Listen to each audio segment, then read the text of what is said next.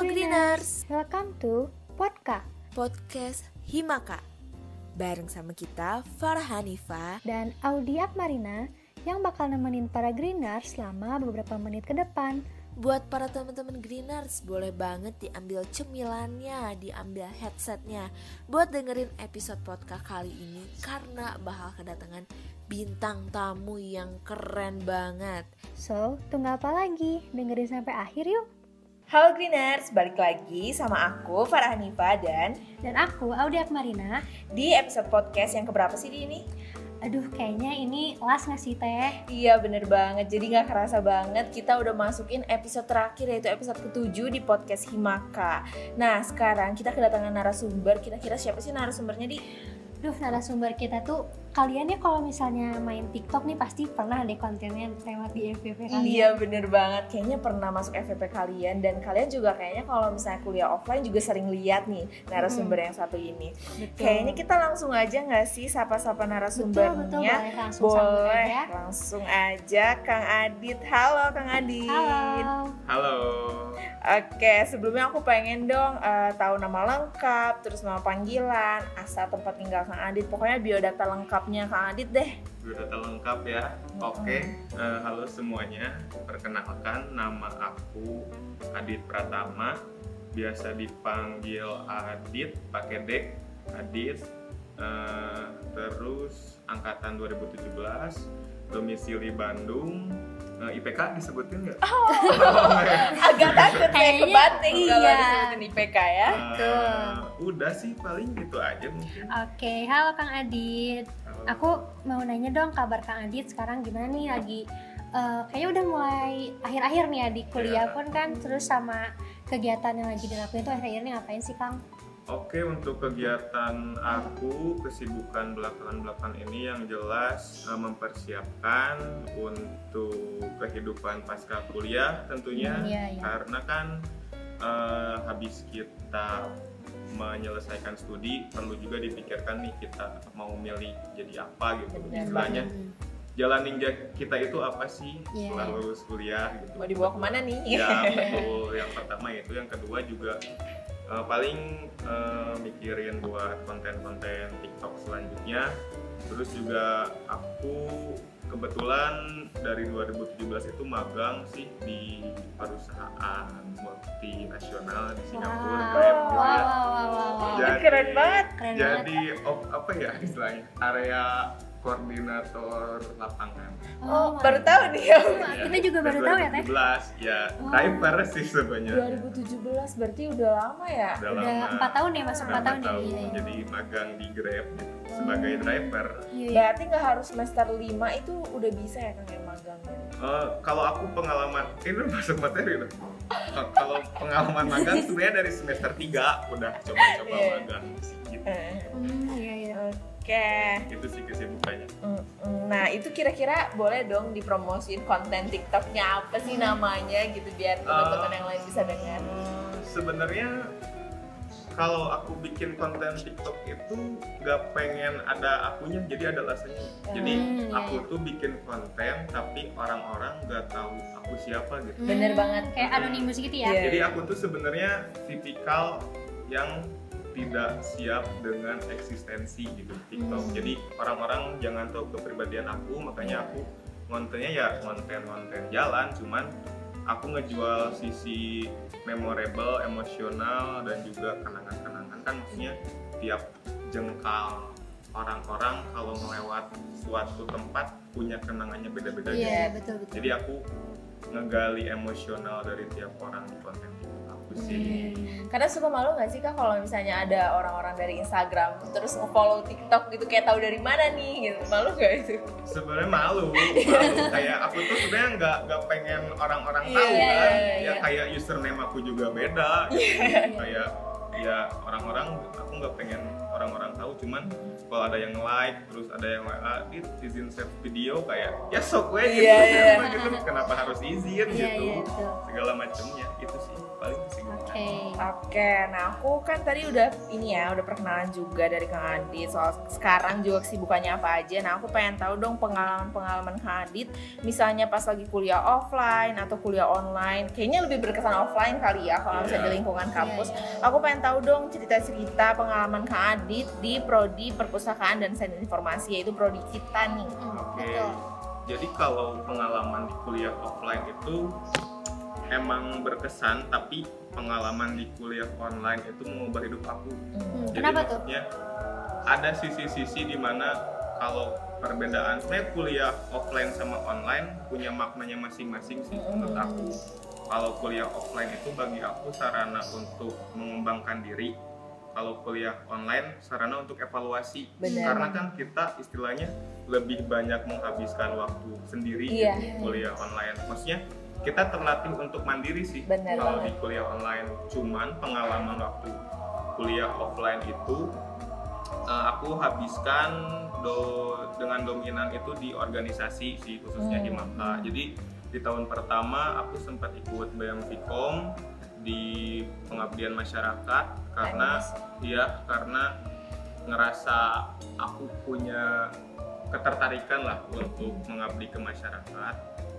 Sebenarnya momen-momen yang berkesan itu bagi aku momen orientasi sih, Mhm. orientasi offline karena di situ kan kita eh, mencoba untuk membangun kita mau dipandang apa oleh teman kita sampai lulus gitu. Iya. Iya, iya. Jadi kita tuh di aspek orientasi itu kita membangun citra gitu. Iya. Jadi eh, orang-orang itu ingin mengenal Adit yang seperti apa Hmm. sampai Adit lulus itu. gitu. Iya, iya. Jadi itu pengalaman yang berkesan karena yang pertama tentunya kita kan dari beberapa banyak perbedaan dari segi geografis, dari Iya. segi kebudayaan. Iya. Nah di situ kita harus bisa beradaptasi lah dengan Hmm. perbedaan-perbedaan itu. Terus pengalaman yang berkesan itu saat kita diberi suatu tanggung jawab dalam Hmm. artian ya kita dipercaya ya contohnya kalau kasusnya di aku kan aku dipercaya sama teman-teman buat jadi ketua angkatan gitu Hmm, iya, iya. jadi kalau mau cerita pengalaman unik uniknya tuh sebenarnya tujuan aku kuliah tuh ingin jadi mahasiswa kupu-kupu sebenarnya iya. tuh jadi Awalnya. nggak terbayang ya? nggak Iya, terbayangkan maksudnya Adit di sekarang tuh bukan Adit yang aku inginkan Iya, di iya, iya. masa-masa aku ingin kuliah karena aku kan ingin kul- kuliah pulang kuliah pulang Hmm. hitungnya juga pulang juga kan ya maksudnya uh, feel anak SMA-nya masih ada gitu Iya, iya. masih pengen nongkrong masih pulang ke Bandung nongkrong sama teman-teman Iya, iya. cuman yang bisa aku ambil pelajaran dari situ kadang jalan hidup yang kita ingini itu walaupun tidak sejalan dengan apa yang kita inginkan bisa jadi itu yang lebih baik gitu Benar. jadi kalau aku milih kekeh Adit yang kupu-kupu ya mungkin aku sekarang nggak ada di podcast Simaka Iya, gitu. nggak akan kita undang. Ya, ada ada butterfly effect lah Iya. ada Iya, iya. ada udah diatur semuanya gitu dari tiap ke dari tepat dari tiap keputusan yang aku ambil di masa lampau selain masa orientasi juga saat kita eh, apa ya istilahnya ngobrol-ngobrol dengan teman-teman. Jadi eh, kalau kita kalau bagi aku ya eh, makna kuliah itu bukan di kelas doang gitu. Maksudnya ya dosen itu hanya memberi suatu pengantar Betul. jadi iya. hanya ber, tidak 100% materi yang dikeluarkan oleh dosen mungkin di bawah 50% karena kan Iya. sisanya kita belajar sendiri gitu. Iya, iya. cuman yang bisa aku ambil bedanya aku masa SMA dan bedanya aku saat kuliah ya aku lebih lebih apa ya istilahnya lebih berpikir ke sesuatu itu dari berbagai perspektif sih gitu Hmm. dari pengalaman-pengalaman secara offline misalnya dari masa orientasi atau kepanitiaan atau bahkan eh, tanggung jawab tanggung jawab yang diberi ke aku misalkan jadi ketua satu atau kadif logistik atau segala macam tapi jelas intinya Adit yang awal itu ingin Adit yang kupu-kupu gitu Iya. cuman takdir berkata lain tapi kalaupun mau menyesal juga aku udah terlalu banyak privilege gitu Iya. untuk menyesal juga Iya. seperti itu sih pengalaman yang berkesan jadi banyak privilege yang aku dapat saat kuliah offline karena banyak berinteraksi dengan orang-orang langsung mungkin dari kepanitiaan aku ngajuin proposal ke sini ke instansi ini toh jadi aku punya kontak WA-nya kan Iya, secara nggak langsung ya relasi ya. Iya, iya. punya tahu informasi yang lebih mendalam dibanding teman-teman. Sebenarnya aku nggak nyalahin orang yang kupu-kupu juga gitu, Iya. cuman Hmm.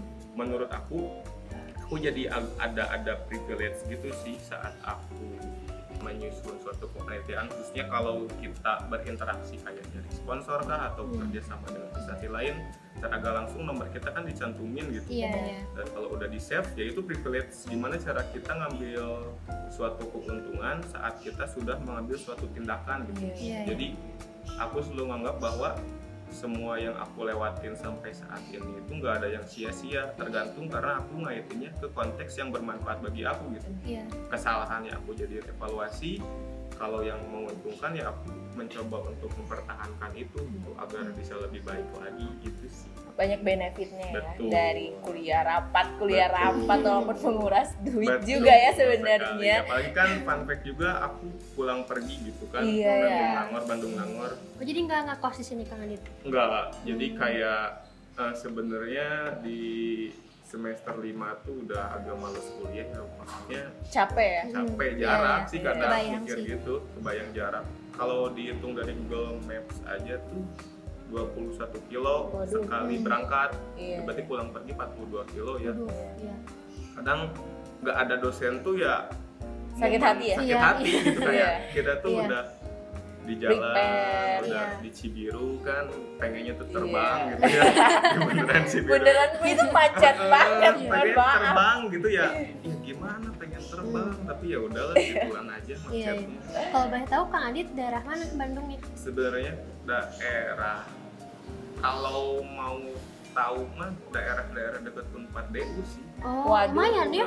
lumayan Oh my kenapa nggak di unpad dulu aja gitu ya salah berdoa kecil aku kayak waktu kalau ngelewat ke Unpad DU kayak ngiranya di situ pengen ya kuliah di Unpad Iya. Ngomongnya aku Unpad nggak doang ya? spesifiknya Iya. ke Unpad DU gitu ternyata di ijabah cuman dari situ unpad aku nangor aku pelajaran bahwa doa juga harus spesifik Iya. ya tidak dimultitafsirkan oleh yang maha kuasa Betul, Betul betul sekali.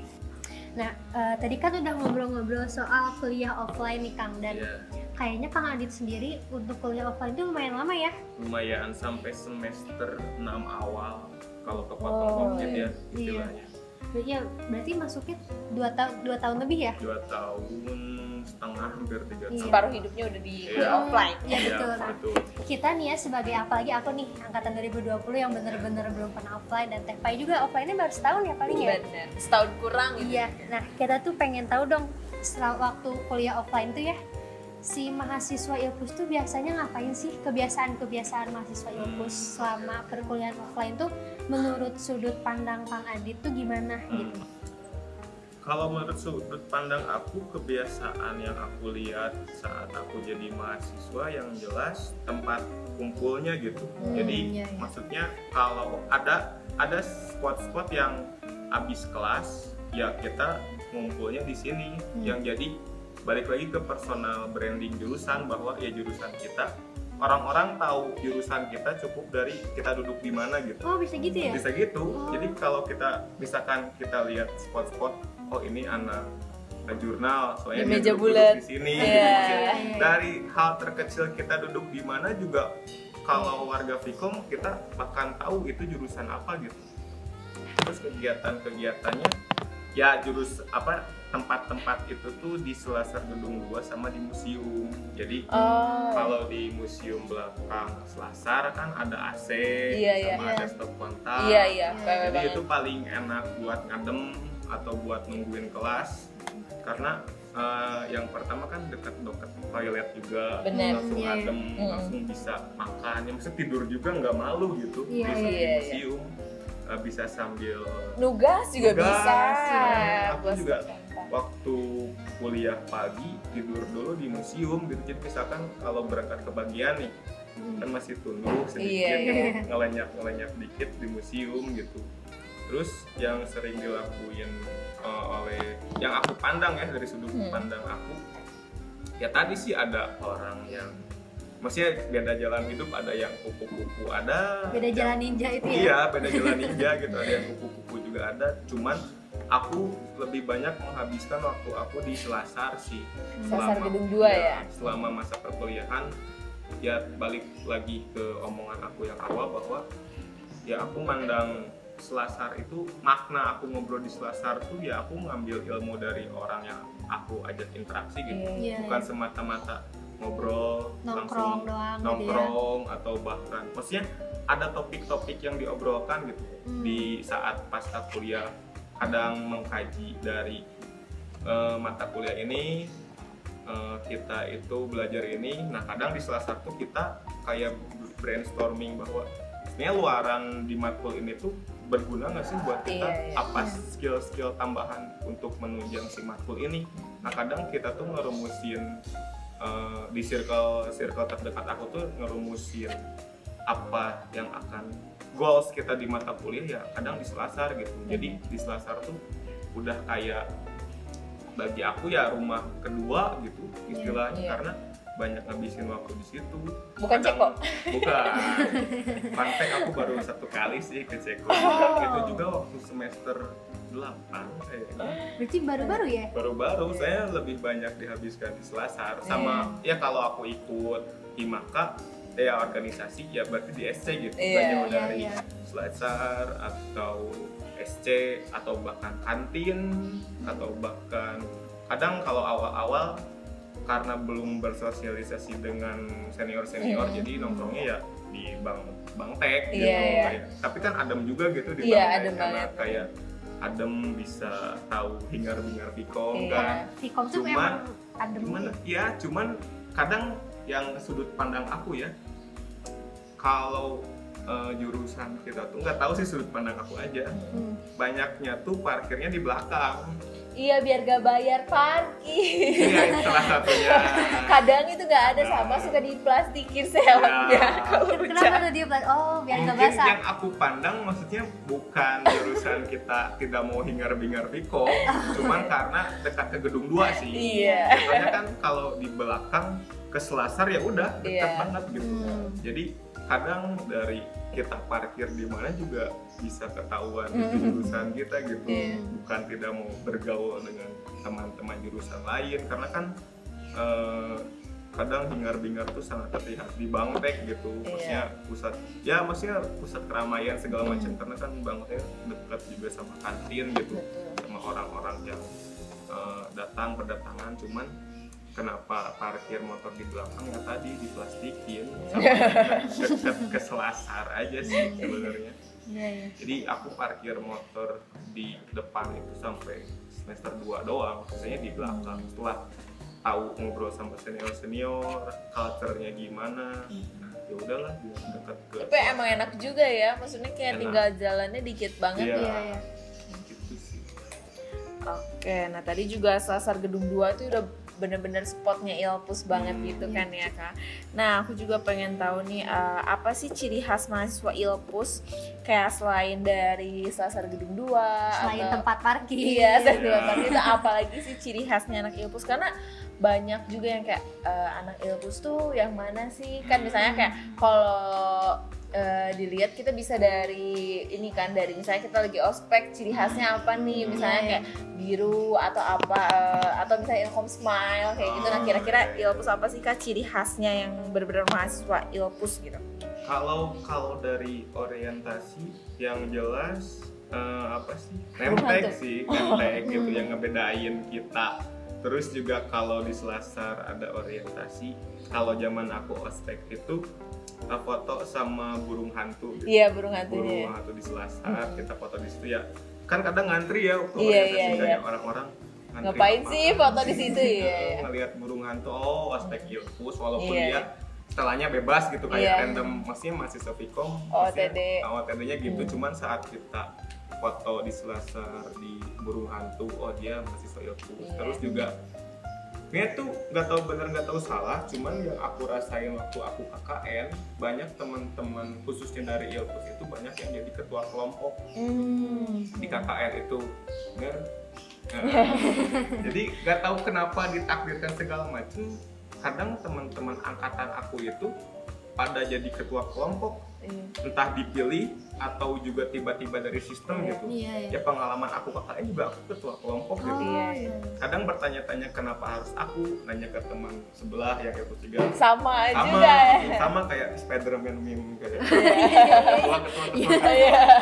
Kayak kok gini gitu Iya. tapi ya di situ ajang branding kita sih Iya. bahwa ya ini ilpus gitu maksudnya ya jurusan ya kita gimana kita cara membranding diri kita juga gitu di Iya, iya. lingkungan dalam kampus atau di lingkungan luar kampus gitu Hmm.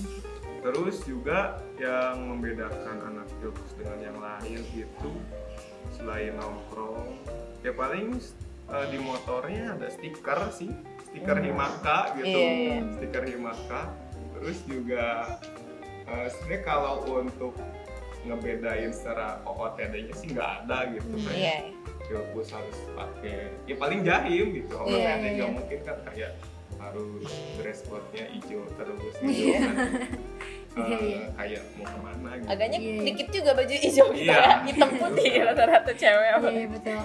gitu sih Nanti eh, kalau dengar dari cerita Kang Adit nih banyak banget ya kayak kebiasaan-kebiasaan yang mungkin kalau kita lakuin tuh biasa aja, cuman Hmm. mungkin dari pandangan orang lain tuh "Oh, ini mah kebiasaan anak ilpus gitu kan. Benar-benar. Mulai dari tadi foto di burung hantu, Betul. terus dari tempat parkir, Betul. tempat nongkrong. Betul. Jadi kita tuh kalau offline tuh secara nggak langsung bisa melihat orang gitu, oh ini jurusan ini. betul, Ini, betul. ini tanpa kita tuh ngobrol sama Hmm, mereka gitu kan. betul. Terus kebayang banget euforia kuliah offline tuh seseru apa, sehingar bingar apa. Karena aku kan pernah nih ke Vkom tapi kayak sepi-sepi aja Iya. gitu kan, belum banyak mahasiswanya. Jadi eh ngedengar cerita dari Kang Adi tuh kebayang gitu sama aku, Iya. wah Vkom tuh gini loh Iya. kalau offline gitu. Iya. Oh iya sama kebiasaannya itu kalau kuliah offline eh ya danusan itu Ah Kadang iya. hal-hal danusan kita jualan gehu itu jadi Dan risol. Heeh, jadi gimana ya jadi suatu hal yang kadang kalau aku ingat-ingat sih lucu kayak Iya. kalau nggak habis aku makan sendiri Iya. gitu kalau kalau misalkan ada temen yang habis makan aku jual paksa gitu kayak buru atuh meuli Jual Iya, dendam. iya. Oh, kayak cek pegat wae itu duluran gara-gara gehu gitu Iya, iya. ngejual si momen-momen danusan itu eh, momen-momen berkesan juga sih sama Hmm, kalau puasa Hmm. Oh iya Puasa penuh di- ya. Heeh, Hmm. puasa di Nangor itu kerasa banget lah si Iya. puasa itu Hmm. Eh, walaupun banyak tirai-tirai penggoda ya di pinggir jalan gitu Iya, iya. tirai-tirai penggoda Di cuma warteg ditutupi. penggoda kayak ngedadak stang motor Berhenti di Belok warteg. sendiri ya. ngedadak berat cuman kerasa kalau buka itu di apa namanya Momen ngabuburit ya. itu tuh de- bangunan pabukon Ah.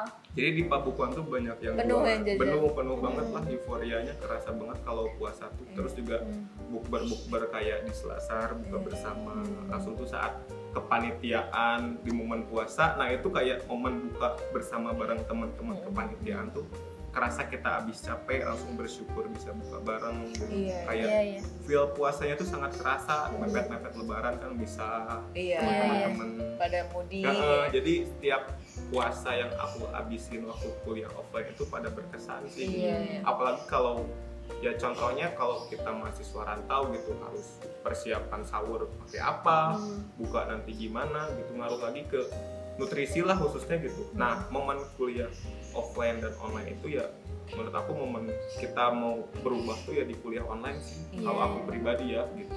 Seperti momen titik turning point aku ya di kuliah online. Iya. evaluasi dari kegiatan-kegiatan sama offline kayak offline aku nggak mentingin olahraga atau kayak pola tidur pola makan di momen online ini karena aku lebih banyak waktu sendiri ya sedikit kepikiran lah kayak waktu magang job track kayak ngangkat buku sedikit dari Eh, kok capek? gitu, kayak, kok sakit pinggang Iya. kayak, kok Mahasiswa lama- jompo ya. Ah, kayak perasaan masih muda Iya. di bawah 30 tahun Iya. kayak kok udah segala kerasa Hmm. di job track kayak pengalaman magang juga yang tadi aku sebutin pertama di semester 3 juga itu bisa jadi balik lagi ke privilege karena kita kenal orang gitu jadi ya suatu saat kan bisa aja gitu kalau kita mau magang lagi kita dapat nyari tempat lagi Iya, Iya, karena udah ada Iya, relasi. Iya. karena waktu kita ada kebutuhan untuk job training kita bisa pakai tempat magang yang sebelum-sebelumnya Betul. iya iya seru sih momen-momen magang gitu. latihan jadi pegawai lah iya iya. Hmm. Nah kan eh, Kang Adit tuh banyak evaluasinya itu di kuliah online ya. Hmm. Tapi pernah nggak sih ngerasa pas kali ini kita ketemu sama teman-teman banyak nih karena kita udah kebanyakan waktu sendiri tuh jadi kayak capek banget gitu nggak tahu kenapa kayak Iya, sosial battery-nya jadi Iya. lebih rendah mm, Iya, dibandingin awal gitu. Pernah nggak sih ngerasa kayak gitu? sebenarnya kalau disebut pernah kalau aku tuh orangnya tuh sebenarnya walaupun orang-orang mungkin ngelihat citra aku tuh eh, bisa merangkul Iya. apa segala macam padahal jujur kalau nonton konser aku nggak suka gitu nggak Karena suka banyak keramaian. orang. iya Iya. maksudnya dari segi kalau ada konser apa kalaupun ada ya maksudnya suatu keramaian ya aku merasa kayaknya aku lebih nyaman sendiri gitu jadi Iya.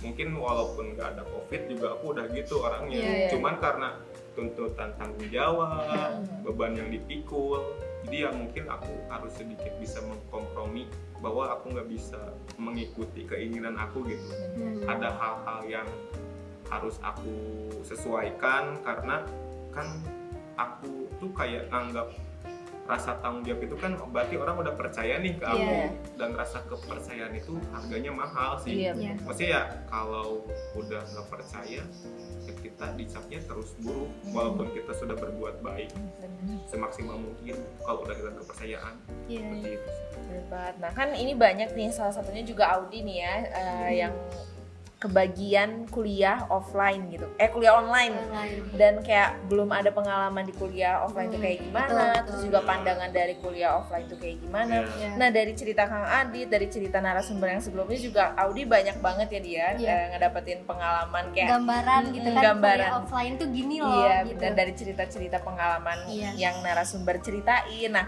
ada nggak sih kak eh, tips-tips atau kayak misalnya em, sa- sepatah dua patah kata buat anak-anak yang masih kuliah online ini misalnya kan nanti kita bakal kuliah offline nih ada nggak sih kayak eh, kita harus gini nih tipsnya kita harus gini nih tipsnya untuk ngadepin kuliah offline itu kayak gimana? Karena mungkin banyak juga ya mental Iya, yang masih Ah. kuliah Iya. online tuh beda gitu beda sama, sama, yang offline. iya. Vibes-nya beda kan. Bener jadi banget. yang harus dipersiapkan terutama sama greeners muda nih. Iya. bener banget. kalau suatu saat nanti tuh offline. Iya. takutnya kena mental ya Iya. Ah, kalau persiapannya yang jelas kita harus tentuin dulu kita mau jadi mahasiswa yang seperti apa gitu. Iya iya. Karena kita harus tahu kebutuhan diri kita sendiri. Jadi kita nggak perlu mempersiapkan sesuatu kalau kita nggak butuh itu gitu. Ya kalau misalkan Audi atau Farah milih jalan hidup untuk jadi mahasiswa yang merapat ya berarti yang harus dipersiapkan yang pertama adalah gimana caranya kita rapat malam. Tapi kalau ada kuliah pagi maksudnya gimana cara kita menimbang iya ya. maksudnya kalau rapat sampai malam ya kita mungkin izin. Kalau maksudnya jadi ada pembagian gimana cara kita selaras gitu antara kuliah. akademik dan organisasi. Hmm, tapi tidak mengesampingkan kita sebagai manusia yang butuh istirahat gitu. Bener Iya, jadi kadang mahasiswa itu lupanya kayak mungkin kalau kita ikut organisasi eh, akademik ada yang eh, terabaikan bener atau bahkan kita terlalu akademik eh, tidak ada pengalaman organisasi dan itu juga nggak masalah. Masih itu jalan hidup masing-masing orang yang nggak berhak aku nilai benar atau salah. Cuman kalau kita pengen jadi mahasiswa yang aktif di organisasi sangat butuh manajemen waktu khususnya. Kita harus tahu kapan kita. Eh pola makan juga penting sih. Iya, maksudnya iya, kayak iya, iya. jangan makan kayak kadang kan kalau makan tuh nggak kerasa kita lapar tuh nggak kerasa gitu. Iya, iya. kalau kita rapat nih bener. kayak makan jadi eh, setengah malam Iya. atau kayak eh, maksudnya lapar-lapar nggak kerasa itu ya. Jamnya tuh nggak teratur ya bener jam-jam lapar itu. Terus juga tips and triknya kalau misalkan kita berurusan dengan dosen atau kayak kita berurusan dengan apa namanya SBP bikin surat kan Hmm. kalau offline itu tentunya kalau pesuratan waktu aku offline juga gitu nggak ngisi email atau Iya. nggak maksudnya ya kita datang Langsung ke, ke aja gitu. jurusan gitu, Iya. buat buat bikin surat nah ya kita kalau sebagai mahasiswa ya perlu mengedepankan etika-etika yang Hmm. tidak tertulis gitu yang Iya, minimal betul betul mengetuk pintu atau kayak senyum atau Iya, apa kadang curhat-curhatan pegawai SBP tuh eh, mahasiswa tuh lupa gitu lupa, Lupa tidak caranya. eh, bukan bukan tidak tahu cuman lupa Hmm. akan hal-hal kecil yang bahkan itu tuh ya kita impactnya kan kita bakal pakai etika itu seumur hidup gitu bener Iya, ke dunia di kerja masyarakat juga apalagi waktu KKN kan Iya, iya. dengan warga-warga sekitar Iya. gimana caranya kita membranding bahwa kita tuh jadi waktu KKN jangan memposisikan diri sebagai mahasiswa banget gitu Benar. maksudnya ya kita posisi KKN kan bukan untuk menggurui gitu. Iya, iya. kita berproses bareng-bareng mungkin berharapnya kita bisa membawa perubahan walaupun sedikit lah di tempat waktu kita KKN jadi Iya. intinya yang harus dipersiapkan tadi eh, manajemen waktu pola makan sama tanggung jawab sih maksudnya kalau ada tugas ya sesibuk apa pun kita ya itu tugas kuliah yang Benar. perlu Iya. kita kerjakan gitu Bener. kayak mau gak mau emang harus Iya, dikerjakan iya. gitu kan jadi ya mungkin kalaupun uh, jalan hidupnya ada yang mengorbankan akademik ya harus siap sih dengan konsekuensi itu Iya, iya. maksudnya apa pun yang kita lakukan kan tidak terlepas dari konsekuensinya Iya, iya. kita dapat gitu bener cara hidup apa pun juga nggak ada yang perlu disalahkan kalau bagi aku ya karena namanya prinsip gitu cuman yang dipersiapkan tadi etika pola makan eh, langsung eh, apa namanya manajemen waktu segala macam seperti itu sih harus dipersiapkan. Bener banget, karena jujur susah banget ya untuk kita jaga pola makan atau eh, makan yang bener yang sehat di Nangor juga. Betul. Apalagi mahasiswa banyaknya rapat sampai lupa waktu Hmm. kan ya Iya. sampai eh tahu-tahu udah jam 10 padahal waktunya makan misalnya dari jam 8 Iya. atau kayak makan siang juga sampai ke skip karena nggak enak mungkin Iya, kita iya, lagi kelas terus ambil rapat kayak gitu kan karena rapat juga kita nggak bisa nentuin mau jam berapa Iya. jam berapanya kan Benar, kadang benar, benar. perasaan nggak enak itu yang bikin kita kayak lupa sama diri sendiri Bener. mengesampingkan kepentingan hidup kita gitu yang prioritas utama kita karena rasa nggak enak sama orang-orang di sekitar kita Betul. gitu dan banyak banget sih tips-tips yang diberikan oleh Kang Adit gitu ya misalnya Ya. salah satunya juga cerita-cerita pengalaman yang bikin kita ngebayangin kayak oh ternyata kuliah offline tuh kayak gini ya oh ternyata anak-anak Ilpus tuh kayak gini ya oh Ya, ternyata kita bisa gitu loh buat eh, apa namanya buat nyari tahu misalnya oh ini anak Ilpus oh ini anak jurnal dari Iya. spot-spot tertentu kayak betul gitu. terus juga ada kalau mahasiswa pulang pergi ya Hmm. ada suatu keadaan yang bikin kita tuh bingung. Hmm. kelas pagi Iya. satu matkul jam 7 rapat jam 4 sore Iya. Aduh. kayak Nunggu di mana? Iya. ini harus ke mana Iya. gitu. Maksudnya, jauh ya. Kalau kita jalan hidupnya kupu-kupu kan langsung pulang Iya, iya. Usah tapi mikirin. kebetulan jalan hidup aku kuliah rapat jadi kayak beres jam 9 nunggu jam 4 tuh kayak aduh Lama banget iya nih ya. bener gitu itu sih yang hal-hal lucu kan Iya. iya. Dan itu kayaknya lagi dialamin ya sama Audi ya. Betul, kayak Karena Pepe juga kan Ah. Audi ya. Tapi pokoknya hari ini kita kayak banyak banget dapat gambaran nggak sih teh Bener. apa yang harus kita lakukan nanti pas offline dan selain itu kita juga dapat cerita-cerita nih Bener. dari Kang Adit yang eh, kalau dibanding kita mah lebih banyak pengalaman Iya, ya Teh. karena udah Kayak- dua setengah tahun gak sih gitu. kayak kita tuh teh payawa aja paling satu tahun lebih. kurang. satu tahun kurang ya, malah ya? Kurang bahkan kan gitu. Jadi kayak apalagi aku yang bener-bener full Bener. banget online dari awal jadi dari tadi kita ngobrol sama Kang Adi tuh kita dapat kayak eh, apa ya gambaran di kampus tuh begini gitu Bener kan. banget. pokoknya banyak banget pelajaran yang bisa kita ambil dari Kang Adit terus tadi udah dikasih tips-tips sama persiapan buat Bener. kita kalau offline tuh harus gimana. Mulai dari etika ke dosen atau etika ke sekitarnya lah ya di Iya, sekitar bener lingkungan sekitar kita. Sama tadi jangan sampai melupakan kepentingan untuk diri kita sendiri Iya, gitu bener, kan. betul Nah, satu yang harus kita tahu juga pengalaman-pengalaman kayak gini nggak akan didapetin dari dosen-dosen ya. Jadi Iya, dosen tuh betul. tidak mengajarkan kayak iya kehidupan kuliah tuh seperti gini Iya, loh dan iya. kayak dengan cerita-cerita kayak gini juga setidaknya kita punya apa ya punya gambaran untuk kita survive di kehidupan Iya, iya, betul. yang misalnya nanti kita dapat kuliah offline lagi kayak gitu dan makasih banyak banget Iya. ini buat Kang Adit Pratama dari angkatan 2017 Ilpus um, kelas apa nih? Oh, udah lupa oh udah lupa ya Lupa ya? iya Oke, makasih banyak nih buat Kang Iya. Adit atau Kang Betul. Adit ya. Adit pakai D ya jangan Iya. lupa teman-teman Tapi nama aslinya pakai T. Paket teh. Oke. oke. Makasih banget buat Kang Adit udah ngeluangin waktu buat Mhm. kita buat cerita-cerita kehidupan di kuliah itu kayak Iya. gimana dan ini juga jadi podcast terakhir Iya, betul. ya. Jadi ini Aduh, spesial banget. Iya. khusus Kang Adit jadi narasumber terakhir iya di iya podcast betul kita. Ada yang mau disampaikan lagi nggak nih dari Kang Adit? Nah, yang mau disampaikan sih paling buat mahasiswa aktif eh, kita harus apa ya harus menentukan kita akan menjadi apa dan juga kita akan dikenal seperti apa.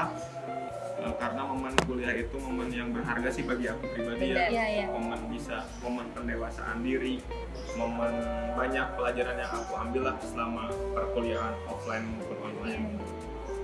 Lebih ke banyak privilege privilege yang kalau kita nggak ada di bagian situ ya kita nggak dapat privilege itu gitu. Iya, iya. jadi mencoba berkompromi untuk dengan diri sendiri bahwa kadang idealisme kita tuh harus diturunkan gitu iya iya idealisme itu baik cuman ya kalau dengan realitanya mesti kita harus bisa berkompromi dengan idealisme kita sendiri jangan Iya. sampai idealis kita termakan oleh idealisme kita sendiri gitu Hmm.